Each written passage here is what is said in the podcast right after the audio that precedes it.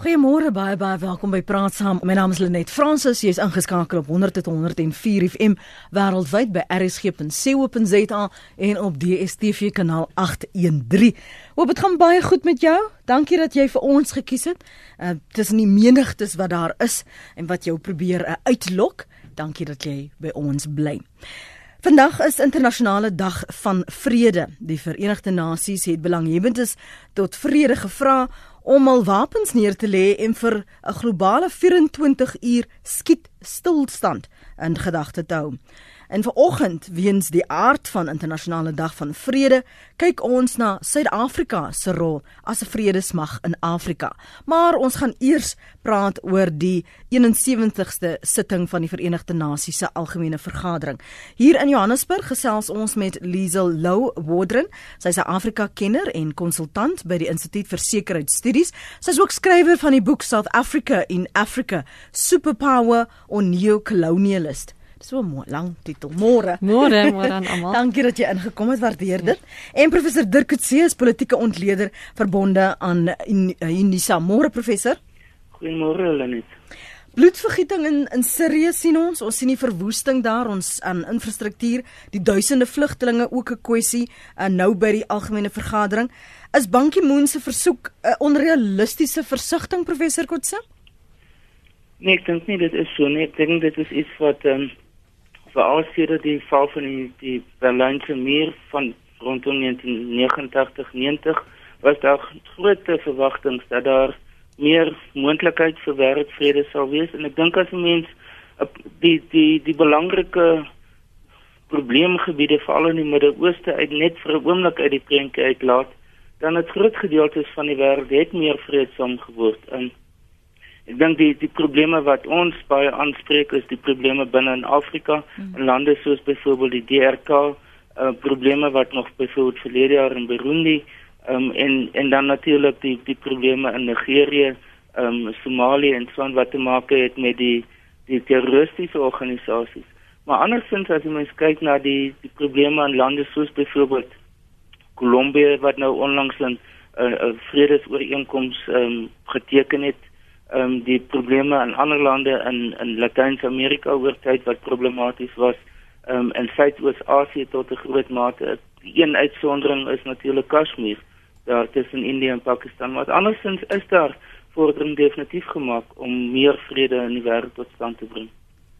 En en Afrika leiers ehm um, toegewyd het gaan ek nou in aanhalingstekens plaas Liesel tot hierdie onderneming tot vrede. Ehm um, professor het nou gepraat van Burundi, van die DRK, Somalië byvoorbeeld. Ja, ehm um, ek dink daar is um, uit die Afrika Unie uh, se oogpunt is daar al hoe meer planne en ehm um, vredesmagte wat gestuur word dan nou ehm um, professor het gepraat van Somalië ehm um, Burundi was nie 'n sukses vir die Afrika Unie nie want daar is nog konflik wat daar voortduur die DRK is 'n groot groot kommer vir die hele Afrika en ook buitelandse uh, internasionale gemeenskap lande soos Amerika omdat ons het in die laaste 2 dae gesien ernstige geweld wat uitbreek. Eintlik oor een leier wat aan mag vasklou president Joseph Kabila. Die verkiesings moet voor die einde van die jaar plaasvind. Dit gaan nou waarskynlik uitgestel word Volgens die regering is 17 mense dood, maar die waarnemers in die oppositie sê meer as 50 mense is dood in geweld in die DRK in die laaste 2 dae protesoptogte in Kinshasa. So as jy die vraag vra, is Afrika leiers toegewy tot vrede in Afrika, kan 'n mens eintlik die teenoorgestelde sê in sekere lande, soos byvoorbeeld in Suid-Sudan. Ehm um, dit is een van die groot konflikgebiede nou sedert die einde van 2013 in Afrika. Ehm um, hier by die VN se algemene vergadering is daar baie gepraat oor vlugtelinge. En eintlik een van die plekke wat die grootste wat die een van die lande wat die grootste aantal vlugtelinge huisves in die wêreld is Ethiopië met 750 000 vlugtelinge op sy grondgebied. In Kenja is een van die grootste ehm um, vlugtelingkampe van Somaliërs en Suid-Sudanese. So ehm um, Afrika eh, daar's definitief vordering as mens nou kyk na interne rebellies en uh, staatsgrepe en so aan, maar hier is hierdie ehm um, kan ek sê soos die professor ook gesê dit is sekere lande en dit is so gefokus op die besluite van een staatsleier of soos in die geval van Suid-Sudan 2 ehm um, wat net onverantwoordelik is en net hulle ehm um, glad nie omgee vir gewone burgers wat met vlug en en dan 'n uh, konflik met ervaar nie. Is dan die internasionale dag van vrede net simbolies vir vir die VN professor ek kon sê of is dit daar meriete in dat as jy vra uh, kom ons hou uh, uh, of lê ons wapens neer dat dit is wat jy gaan kry of sê ons dit omdat ons dit nog altyd gesê het Ja, ek dink in die eerste instansie is dit bedoel om simbolies te wees. Dit is nie bedoel om te sê daar gaan nou van môre af vrede of 'n skietstilstand in Sirië byvoorbeeld wees nie. Um of in die in die ooste van die DRK of dat Boko Haram tot 'n ooreenkoms met die Nigeriese regering kom nie. Um dis dis meer simbolies van aard want dit is in in die wese van die VN.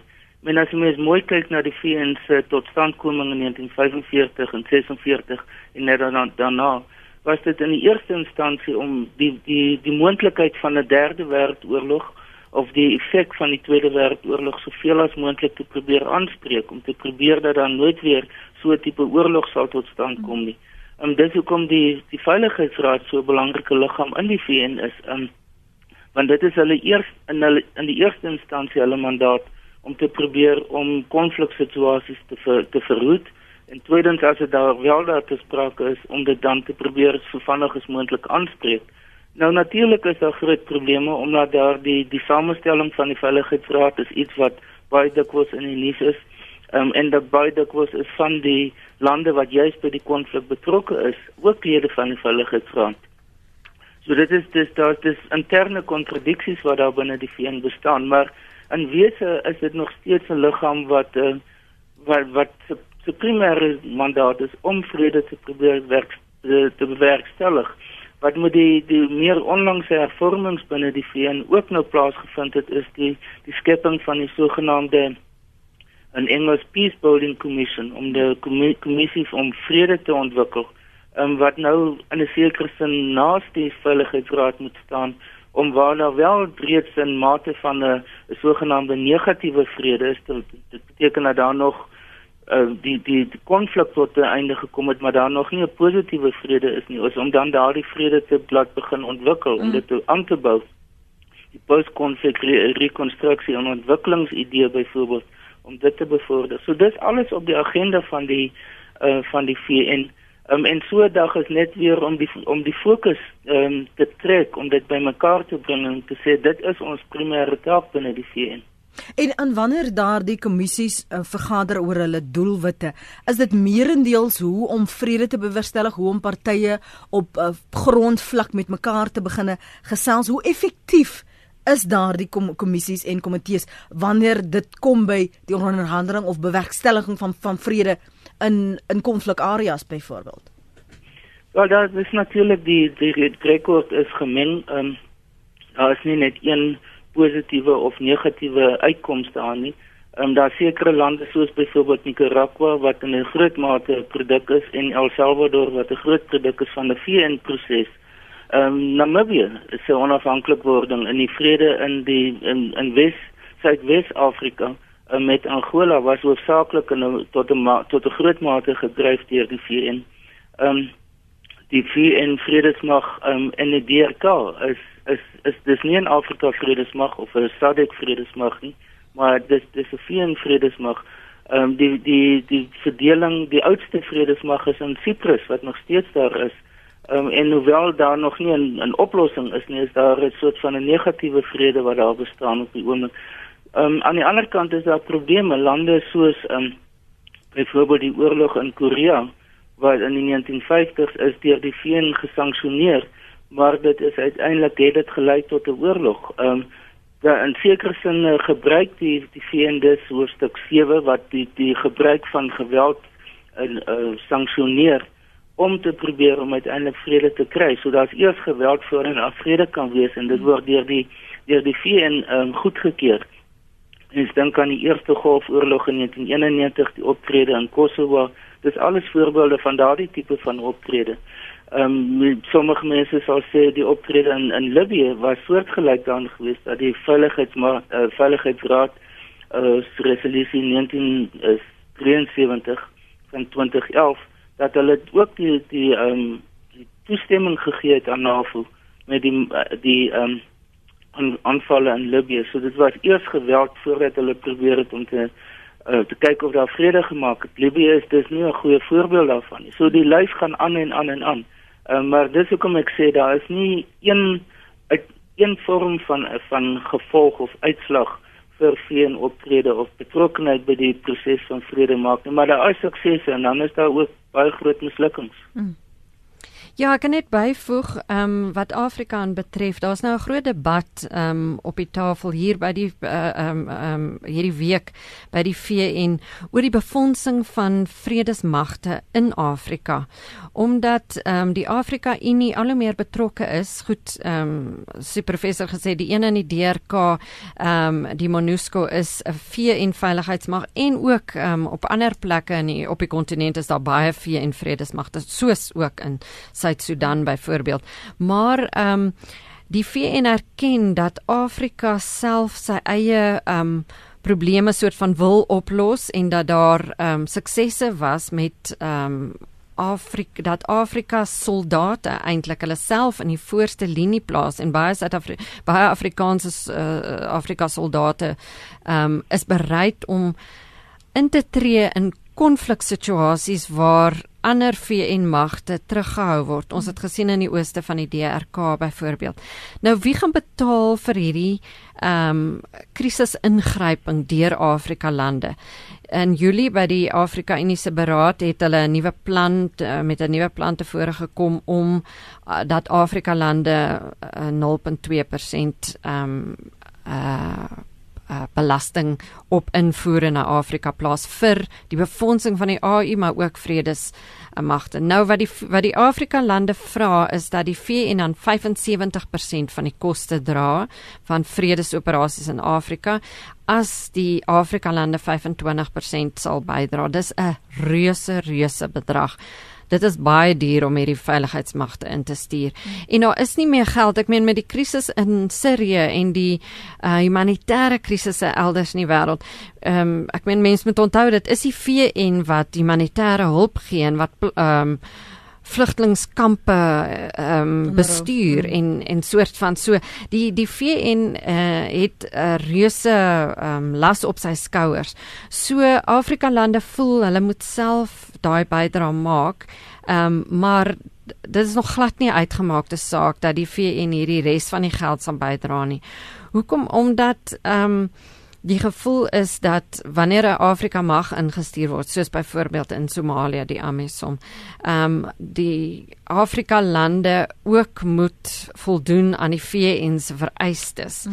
So dis 'n groot bureaukratiese storie wat gaan, nog aan lank duur, maar dis baie belangrik ehm um, uh, dat Afrika uh, die befondsing kry van vredesmagte omdat soos ek sê daar is nie eintlik meer geld ehm um, oor nie in baie van die vlugtelingkampe byvoorbeeld ehm um, is daar sukkel sukkel uh, die VN om eintlik genoeg uh, kos uh, te kan die wêreld um, voedselorganisasie deel ek meen selfs in Zimbabwe en so mm. aan plekke deel hulle kos uit.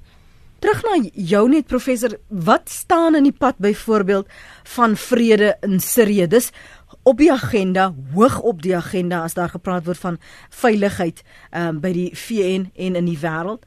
Hoekom sien ons hierdie bloedvergieting vir al die laaste paar dae ehm um, selfs in in einde van verlede week.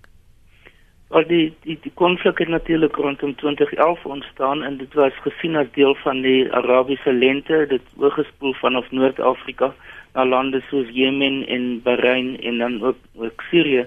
Ehm um, so dit die die oor, die oorspronklike oorsaak daarvan was meer intern van aard Ons weet dat dit oor tyd nou baie meer van 'n regionale konflik geword het dat dit eintlik nie meer 'n Syriese konflik op sy eie is nie en dat groot moondhede soos die Amerikaners en die Russe en tot 'n sekere mate die Turke uh, baie direk daarbey betrokke geraak het. Um, so ek dink wat nou in 'n in 'n groot mate die gesien word as die sleutel tot die oplossing, nie die oplossing op sigself nie, maar die die, die sleutel tot dit is in in langtermyn ooreenkomste tussen die Amerikaners en die Russe.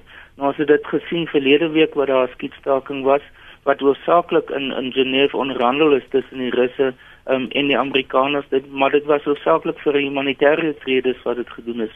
Dit was nie gedoen om 'n langtermyn oplossing te probeer um, vind of met die onderhandelinge te begin daarvoor nie. So dit is duidelik dat in veral in die Midde-Ooste is dit nie gelokaliseerde konflik wat te sprake is nie. Dieselfde is met die Palestyns uh, Israeli konflik wat uh, wat uh, ook op, op langtermyn nou reeds plaasvind. Dieselfde is byvoorbeeld in Jemen die geval waar die Saudi-Arabië by direk betrokke is. Iran is direk uh, indirek daarbey betrokke. So in in daardie gevalle gaan dit oor 'n groter um, ooreenkoms wat dit eintlik bereik moet word, 'n nuwe magspa magsbalans wat in die uh, Midde-Ooste tot stand moet kom. In in ander lande gaan dit baie dikwels oor probleme van byvoorbeeld gebrek aan demokrasie. Ehm um, in die politieke wetenskap is daar een teorie wat wat baie sterk staan en dit is die so die teorie van demokraat demokratiese vrede. Ehm um, en dit dit sê dat twee demokratieë nooit nooit met mekaar in oorlog sal tree nie. So hoe meer demokratiese instelling word, hoe minder hoe meer verwyder dit die interne probleme, die interne oorsake van konflik wat baie dikwels te maak het met ehm um, sosio-ekonomiese probleme en dan diskriminasie dat sekere groepe of sekere streke in lande gesien word dat hulle onderontwikkel is in verhouding tot ander dele van die wêreld van van 'n spesifieke land of omgewing. Uh, ons sien nou ook die aspekte van identiteit, identiteitskonflikte uh, uh, wat natuurlik dikwels gekoppel word aan religieuse aspekte soos mm. in tussen die noorde en die suide in die Sudan of byvoorbeeld uh, Boko Haram um, in in Nigerië of selfs in Mali of in uh, in ander dele van van Wes-Afrika. So daar's verskeie redes daarvoor en uh, outomaties dis verskeie langtermyn oplossings wat gesoek moet word. Um, ek dink die die die groot as jy net dit kan te reduseer tot een belangrike aspek, dan is dit gewoonlik ge, onderontwikkeldheid, gebrek aan ont, ontwikkeling. Die feit dat mense voel dat die die omstandighede waarin hulle woon uh en waarin hulle leef is diskrimineer teen hulle dat daar diskriminasie van die kant van die nasionale staat is en die staat in steede van die beskermer van die, van van burgers word dikwels die vyand van burgers of die opponent van burgers. Nou sien ons so dikwels dan ook um, burgeroorloë en rebelle bewegings wat in opstand kom teen die sentrale gesag. So dit is die verskillende aspekte wat ons praat is, maar dit gaan onmoontlik wees om dit te veralgemeen tot een of twee punte. Met die laaste video van eh, die eh, die meisies wat uh, die Bring Back Our Girls die Chibok meisies was die kommentaar van baie van die ouers wat van die dogters terug vir 'n welkom het dat die regering die Nigeriese regering het hulle gefaal. Hoe slaag ons Afrika regerings om die bedreigings hier te beheer en uit te skakel? Of of is dit maar net 'n samevloei dat die netwerk is so sterk jy, jy gaan nie regtig 'n impak kan maak nie. Ja, dit is 'n baie moeilike kwessie veral Boko Haram wat nou al baie lank ehm um, terreur saai in die noorde van Nigerië en daai en daai streek. Uh toe president Muhammadu Buhari um, begin verlede jaar aan bewind gekom het, het hy met baie beloftes gekom dat hy gaan onderhandel met Boko Haram. Mm, mm, dit het toe deur mm. die mat geval. Ehm um, En interessant genoeg by die by die VN algemene vergadering het Idris Deby van Chad wat nou die AU voorsitter is, baie klem gelê ook teen die stryd teen terreur en hy het iets interessants genoem dat die soos die die die plek waar Boko Haram nou eintlik uh, gebaseer is, die um, Chad Meer distrik. Dis op die grens van Niger en Chad in uh, Nigerië.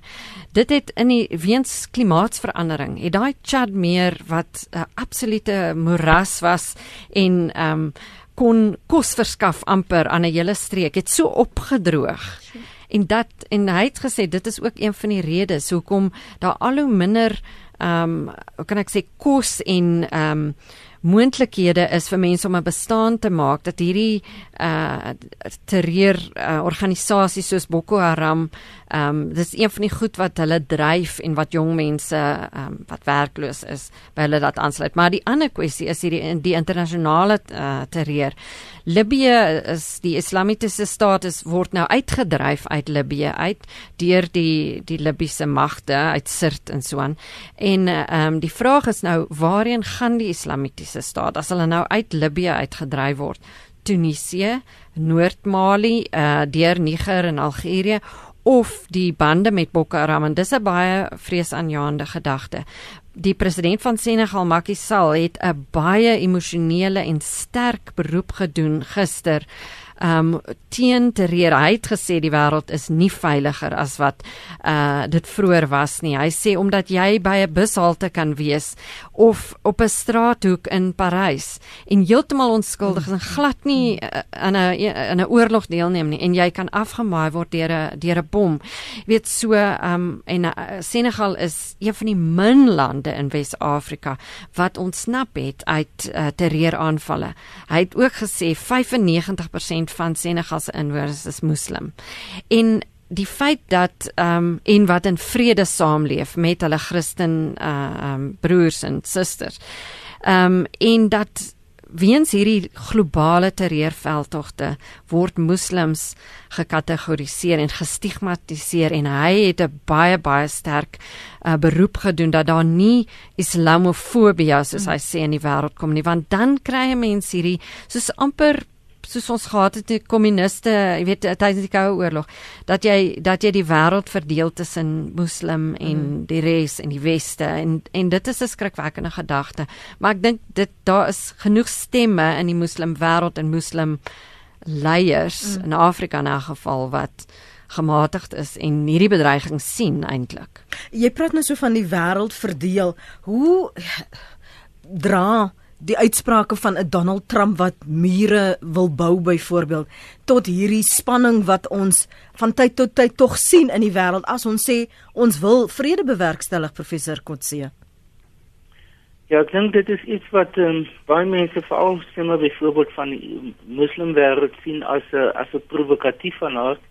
Ehm um, dit vat mense eintlik outomaties terug na die tyd 'n paar twee dekades gelede van Samuel P. Huntington se idee van die die clash of civilizations.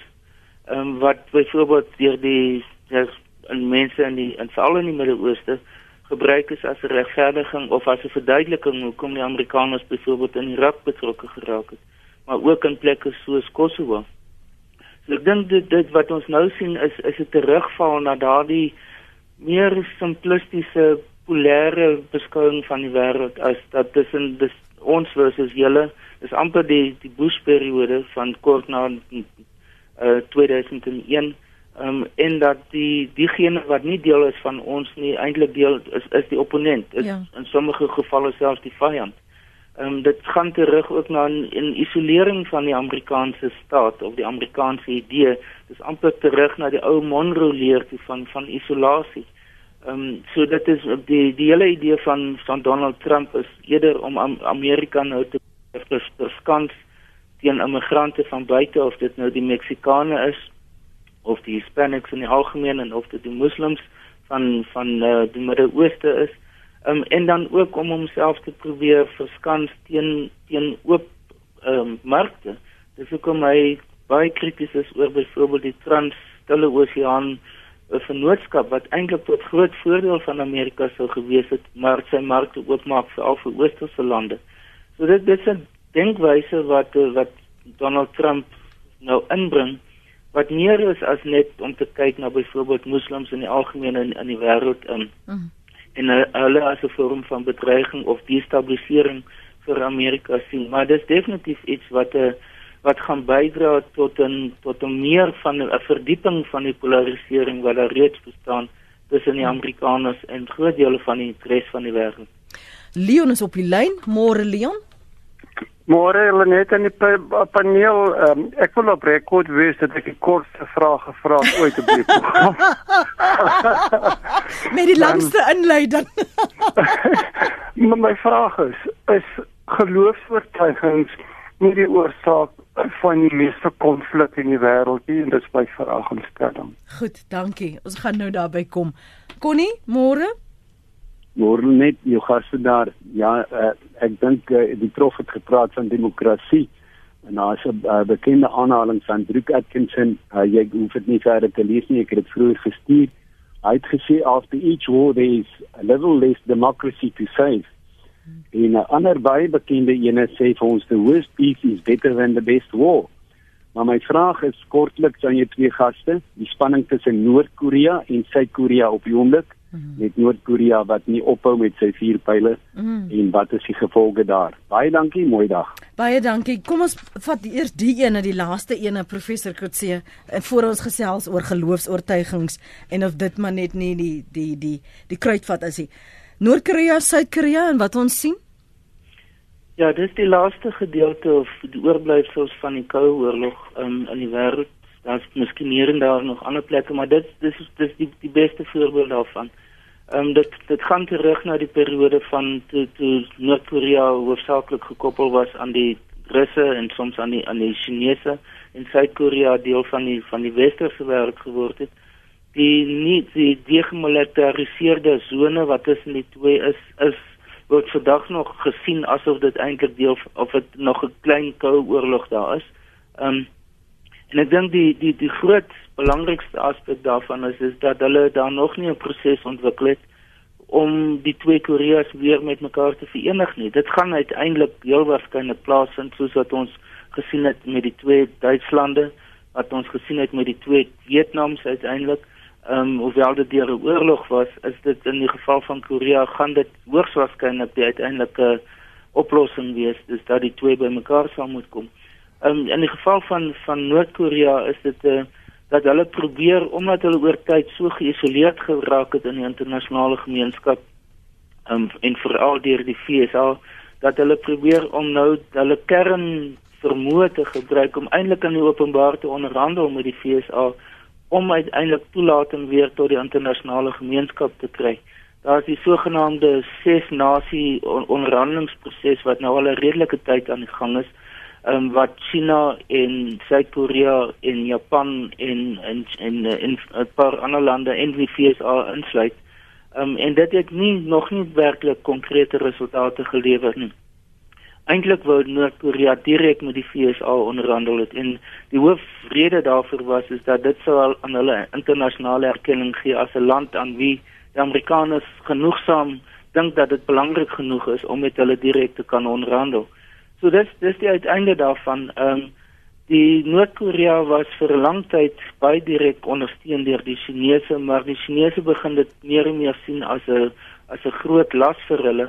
Um, en dat omdat die Chinese self hulle eie probleme in die suid um, Suid-Chinese see het, um, wil hulle se minas moontlik by die Noord-Koreaanse situasie betrokke raak. So dis iets wat nie op hierdie oomblik lyk asof dit besleg kan word nie, maar op die lang termyn sal dit hoogs waarskynlik as gevolg van die verarming wat daar net besig is om plaas te vind in Noord-Korea. Die die probleem met die Noord-Koreaanse situasie is, is dat die bevolking is totaal en al geïndoktrineer. Hulle weet nie eintlik wat buite Noord-Korea besig is om plaas te vind ja. nie. Mm. So mense kan nie staat maak op 'n soort van 'n interne opstand binne Noord-Korea soos wat ons gesien het in 2011 in Noord-Afrika. Noord as die wyse waarop hierdie situasie kan besleg word nie. Dis eintlik fascinerend om te sien wat burgers toegelaat word om te sien dat hulle so afgesny. Dis dis onwerklik ja. om te dink dat mense so leef. Dit is daai 1984 scenario. Dit is ongelooflik hoe dat mense ehm um, so geïndoktrineer is en geen individuele vryhede eintlik het nie. Interessant uh, net om daar by aan te sluit het ehm um, Ban Ki-moon wat nou uittreë as VN sekretaris-generaal. Ehm um, hy het nou weer daarna verwys maar toe hy op besoek was in Oos ehm um, DRK, het hy vir die kinders daar vertel hoe hy as 'n Suid-Koreaan 'n vlugteling was tydens die Koreaanse oorlog. Ehm um, en en dit het hom soort van 'n gevoel gegee vir vlugtelinge en hulle hulle lot en so aan. Die empatie omdat ek kon saam daar omdat hy self daar op pad ja. Mm. geloop het. Ek wil um, gou terugkom na na iets die geloof, wat die geloofsvertuigings ja. asseblief dat ons bietjie daaroor gesels vir 'n oomblik want ons moet nog praat oor Bankie Moon en die einde van sy termyn en of dit uh, werklik waar of hy 'n impak gemaak het en ons moet gesels oor wie se belange word eintlik gedryf wanneer al hierdie uitsprake gemaak word. Maar dan hou ek nou eers gou geloofsoortuiging. Goed, ja, dit is 'n moeilike een. Uh Leon se vraag is geloofsoortuiging die grootste oorsaak van konflik. As 'n mens nou net kyk na Afrika, ek maar ek praat nou eintlik net oor Afrika waar ek die beste ken. Um in hierdie stadium sal mens sê dit gaan oor mag en leierskap.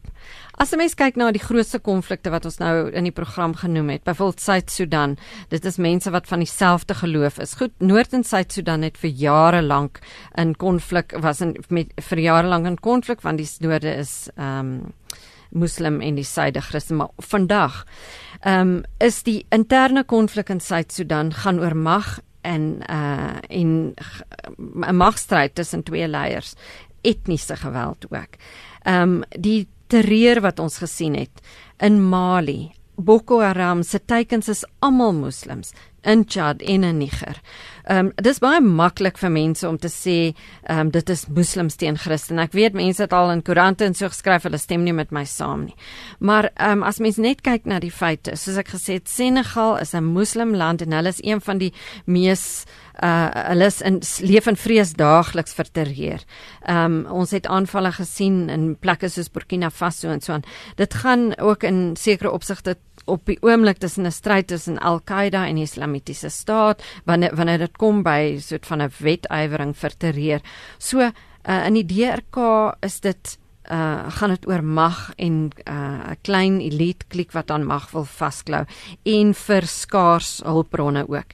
Um, die etniese komponent kom daar in die geloofskomponent kom wel in sekere opsigte voor maar waar ons vandag staan uh in die op die kontinent in elk geval is dit interne rebellies en interne magstryd en dit gaan nie so seer oor geloof nie. So ek dink nie ehm um, alders in die wêreld ook nie. Ek meen, goed, as mens kyk na uh terreur in Europa byvoorbeeld. Gister het die Franse 'n groot herdenking gehad van ehm um, al die slagoffers van terreur.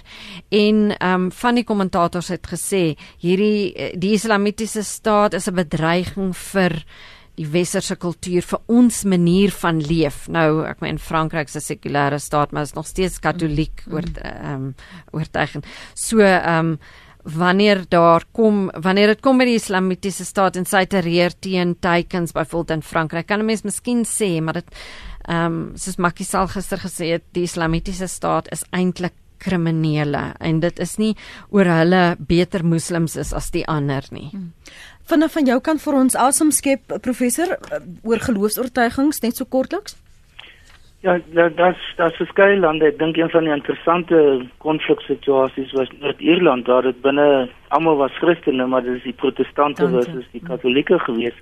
Uh die mense wat na byvoorbeeld na daardie konflik gekyk het, het dit gesê dit oorvleuel ook met sosio-ekonomiese verskille waar die die katolieke meer aan die onderkant van die inkomste leer was en die protestante het 'n hoër inkomste groep gehad. Dit was ook regionaal van aard. So dis baie selde dat dit uitsluitlik net uh, religieus of godsdiens oorwegings is. Dit het baie dikwels te maak met dat hierdie groeperings of hulle nou moslim is of christene of hulle animiste of of, of uh, protestante is of katolieke dat hulle voel hulle word of bevoordeel of benadeel. Dit gee ook aan hulle sekere ander voor of nadele wat dan deel begin word um, van van die konflik. Um, mens kan dink byvoorbeeld aan Kosovo waar wat dit tussen die die die Serviërs en die etniese Albaniërs was. Die etniese Albaniërs meer moslim, die, die Serviërs was meer as as ortodokse Christene gewees. Maar terselfdertyd het dit ook gegaan oor aspekte soos byvoorbeeld die heilige ge, uh, plekke vir vir die uh, ortodokse Christene, maar dan ook het dit gegaan oor wie is dit die die meerderheid in daardie land en en wie het het die die sterkste sosio-ekonomiese posisie in daardie omgewing. So dit is selde dat dit ehm um, dat godsdiens op sigself 'n dryfveer of 'n oorsaak of of of selfs 'n gevolg van konflik kan wees. So mens moet ook kyk na die ander aspekte. Gewoonlik word godsdiens verpolitiseer. Uh, in baie lande is daar baie diverse uh, religieuse situasies en en daar's vrede. So dit in Suid-Afrika dink ek is 'n baie goeie voorbeeld daarvan. Ons het omtrent al die verskillende godsdienste in Suid-Afrika en daar is nie godsdiens godsdienstige konflik in Suid-Afrika nie. En dit is ook nie regtig gepolitiseer nie. Um, so die die vraag is dan hoe hoe hoe kom van dit in sekere lande plaas en ander lande nie? Um, en dit het te maak met die interne dinamika, die interne politieke hmm magsverhoudinge wat daar bestaan of daar of godsdiens gebruik word as vorm van verskil en of mense op grond daarvan teen gediskrimineer word byvoorbeeld. Kom ons hoor wat het Jerry op die hart. Môre Jerry, dankie. Goeiemôre Lenet. Wat ek te sê het is uh, as 'n mens kyk na Afrika, werk die sterk man effek ernstig. As jy na Robert kyk van Zimbabwe, hy sit swak mense in strategiese plekke sodat as daar gestem moet word dat ons staan jy kan kyk na Zuma. Hy sit swak mense sodat hy die beheer het in die land. Want hulle kan nie vat dat hulle verloor nie en hy moet altyd sterk bly. En dit is waar die geweld begin. En nou kan jy kyk na Suid-Afrika. Hierdie klein jakkalsies wat die groot vuur maak. Nou is dit die studente dan is dit dit dan is dit dit dan het jy 'n paar ander soos Malema nodig en dan begin dit brand En op die ou ende gaan jy 'n burgeroorlog kry. En die ding is in ons land het ons nooit een gehad in baie jare nie van die boereoorlog af nie uh, in in die 1900s nie. Wat nou gebeur is die mense uh, wil baklei. Maar hulle was nog nooit deur die situasie nie. En wanneer die regte vuur gaan spat, dan gaan dinge gebeur.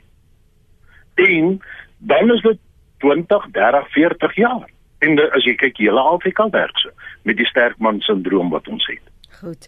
Dankie daarvoor Jerry. Sy mening, Robert sê, miskien het die wêreld 'n oorlog nodig sodat mense weer tot aarde geruk word, behalwe dat daar te veel mense op die aarde is, het die algemene waardestelsel ineengestort en die beheer van die ultra-rykes oor die wêreldekonomie moet gebreek word. Dis van ons menings vanoggend, dis internasionale dag van vrede. Ons praat van hoe ver het ons gekom?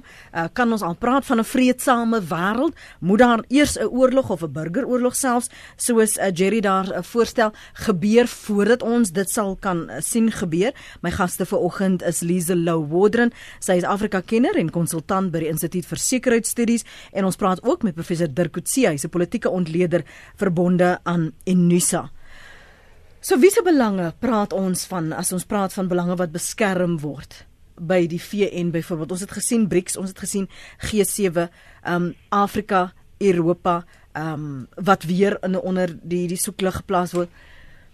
Wie word vir gedryf vir wat? Maar jy moet dit kort hou.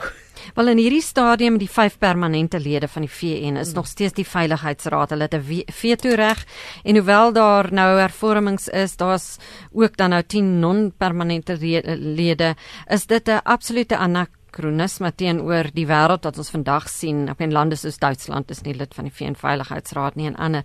Daar's baie interessante inisiatiewe om hierdie ehm um, vervorming deur te voer. Die Instituut vir Sekuriteitsstudies byvoorbeeld Jackie Celie is betrokke by hulle 'n groot inisiatief wêreldwyd ehm um, Electa Council is die naam daarvan. Daar's 'n webwerf wat mense kan kyk. Baie interessant dat die hervorming oor 'n 'n tydperk van 20 jaar plaasvind. Want hm. hierdie magte, hierdie vyf permanente lede klou aan mag vas. Jy weet dit is baie um ironies dat lande soos uh, Frankryk opstaan en praat oor hervorming en so en maar elkeen van daai vyf lede klou aan daai posisie en gaan nie hervorming eintlik laat plaasvind en op baie kwessies so Sirië byvoorbeeld ehm um, elke keer as daar ehm um, stappe geneem moet word dan is daar 'n veto van of Rusland of China of ehm um, of ander lande. In geval Amerika is die grootste bevond die gee die grootste uh, geld vir die hmm. VN so uh hulle het ook 'n baie groot insaan wat die VN uh, doen en mense luister na Amerika. Maar hierdie hervorming ehm um, gaan moet plaasvind vroeër of later anders gaan die VN sy geloofwaardigheid verloor ja. Mm. En as ons kyk na Bankie Moon se Amstermyn die laaste 5 jaar professor Kotse, hoe sal jy dit beskryf? Het, het hy jou beïndruk? Ek dink die idee om hom aan te wys was bedoel om iemand te kry wat eintlik in 'n sekere sin neutraal is in die internasionale politiek, hoewel hy natuurlik deur die deur die Amerikaners ondersteun moes word. Hulle het die veto reg in 'n de facto veto op die aanstelling van die sekretaris-generaal. Ehm um, maar terselfdertyd dink ek een van die aspekte wat miskien nie genoeg beklemtoon word nie is die feit dat hy dit reg gekry het eerstens dat daar 'n groot mate van 'n ooreenkoms ontwikkel het oor klimaatsverandering, die sogenaamde Parys-ooreenkoms. En um, tweedens dink ek wat 'n belangrike punt is wat in sy periode, in sy termyn uh, plaasgevind het, is die die einde van die millennium ontwikkelingsdoelwitte wat uh, tot 'n einde gekom het en die die vervanging daarvan deur die agenda vir volhoubare ontwikkeling wat nou 'n nuwe stel doelwitte geskep het en terloops rette president Zuma en president Hollande het hulle die verslag bekend gemaak van 'n hoofvlak kommissie wat spesifiek handel oor een een van hierdie doelwitte en dit is dat mense gesondheidsdienste uh, soveel as moontlik toegang tot gesondheidsdienste moet kry en en hierdie verslag is spesifiek oorgegaan oor die ontwikkeling van personeel vir gesondheidsdienste op 'n wêreldwye vlak. So dit dit is iets wat um, ek dink die ontwikkelende wêreld, die sogenaamde globale suide wat hulle direk aanspreek, um, is hierdie doelwitte wat geformuleer is. Die probleme dink ek in sy termyn is die is die konflikprobleme. Um veral Sirië, uh, Libië en dan ander aspekte binne binne die Midde-Ooste in die algemeen. Die feit dat die Palestynse situasie weer eens nog nie opgelos is nie. Hoewel dit nie net in in in die in die hande van die VN is nie, maar die Amerikaners het 'n baie belangrike rol om daarin te speel ook. Ehm um, ek dink ander aspekte wat mense sien is die die baie stadige hervorming wat daar op ander vlakke in die VN plaasgevind het, soos byvoorbeeld die verhoging van die status van die menseregte raad van 'n kommissie na 'n raad, die skepping van die um, Peace Building Commission Um, en dan ook die verskillende agentskappe wat baie dikwels vergeet word van of dit nou die wêreldhandels uh, die die wêreldgesondheidsorganisasie is, um, die uh, uh, UNESCO, um, die Food and Allied Organization, die die Food and Agricultural Organization. Daar's 'n verskeidenheid van hulle, baie van hulle is hier in Suid-Afrika het hulle kantore wat goeie werk doen, maar nie baie dikwels in die nuus is nie. Uh, so dink aan daardie in daardie sin het hy daardie tipe van werk meer prominent begin maak en uh, hulle is besig om op 'n groot skaal baie mense se lewens op 'n daglikse basis te te verander. Hmm. Ons het nog so 2 minute lees, 1 en 'n half. So as ons kyk dan na Suid-Afrika en hoe effektief ons is om vrede in in Afrika te bewerkstellig as 'n vredesmag, doen ons beter? Jy het verwys vroeër na Burundi, verwys na die insidente ook in die DRK. Maak ons vordering. Ja, Suid-Afrika het 'n baie groot rol gespeel um uh, onder voormalig president Thabo Mbeki. Daar's nou 'n groot verwagting dat Suid-Afrika weer byvoorbeeld in plekke soos Burundi en die DRK 'n rol moet speel en daar is ehm um, teleurstelling amper in die internasionale gemeenskap dat Suid-Afrika niks sê oor byvoorbeeld ehm um, termyn ehm um, ehm um, leiers wat hulle termyn uh probeer oorskry nie verleng nie. Hmm. Ja, verlede jaar het ons was ons die gaste van die Afrika Unie beraad hier in Sandton. Dit was toe 'n groot storie waar almal gepraat in Suid-Afrika het net choopstil gebly. So in hierdie stadium, ehm um, Suid-Afrika het troepe in die ooste van die DRK wat 'n belangrike rol speel. Ons het ons troepe in Darfur nou onlangs onttrek. Ehm um, Suid-Afrika het nog steeds 'n stem. Mense luister na wat Suid-Afrika sê.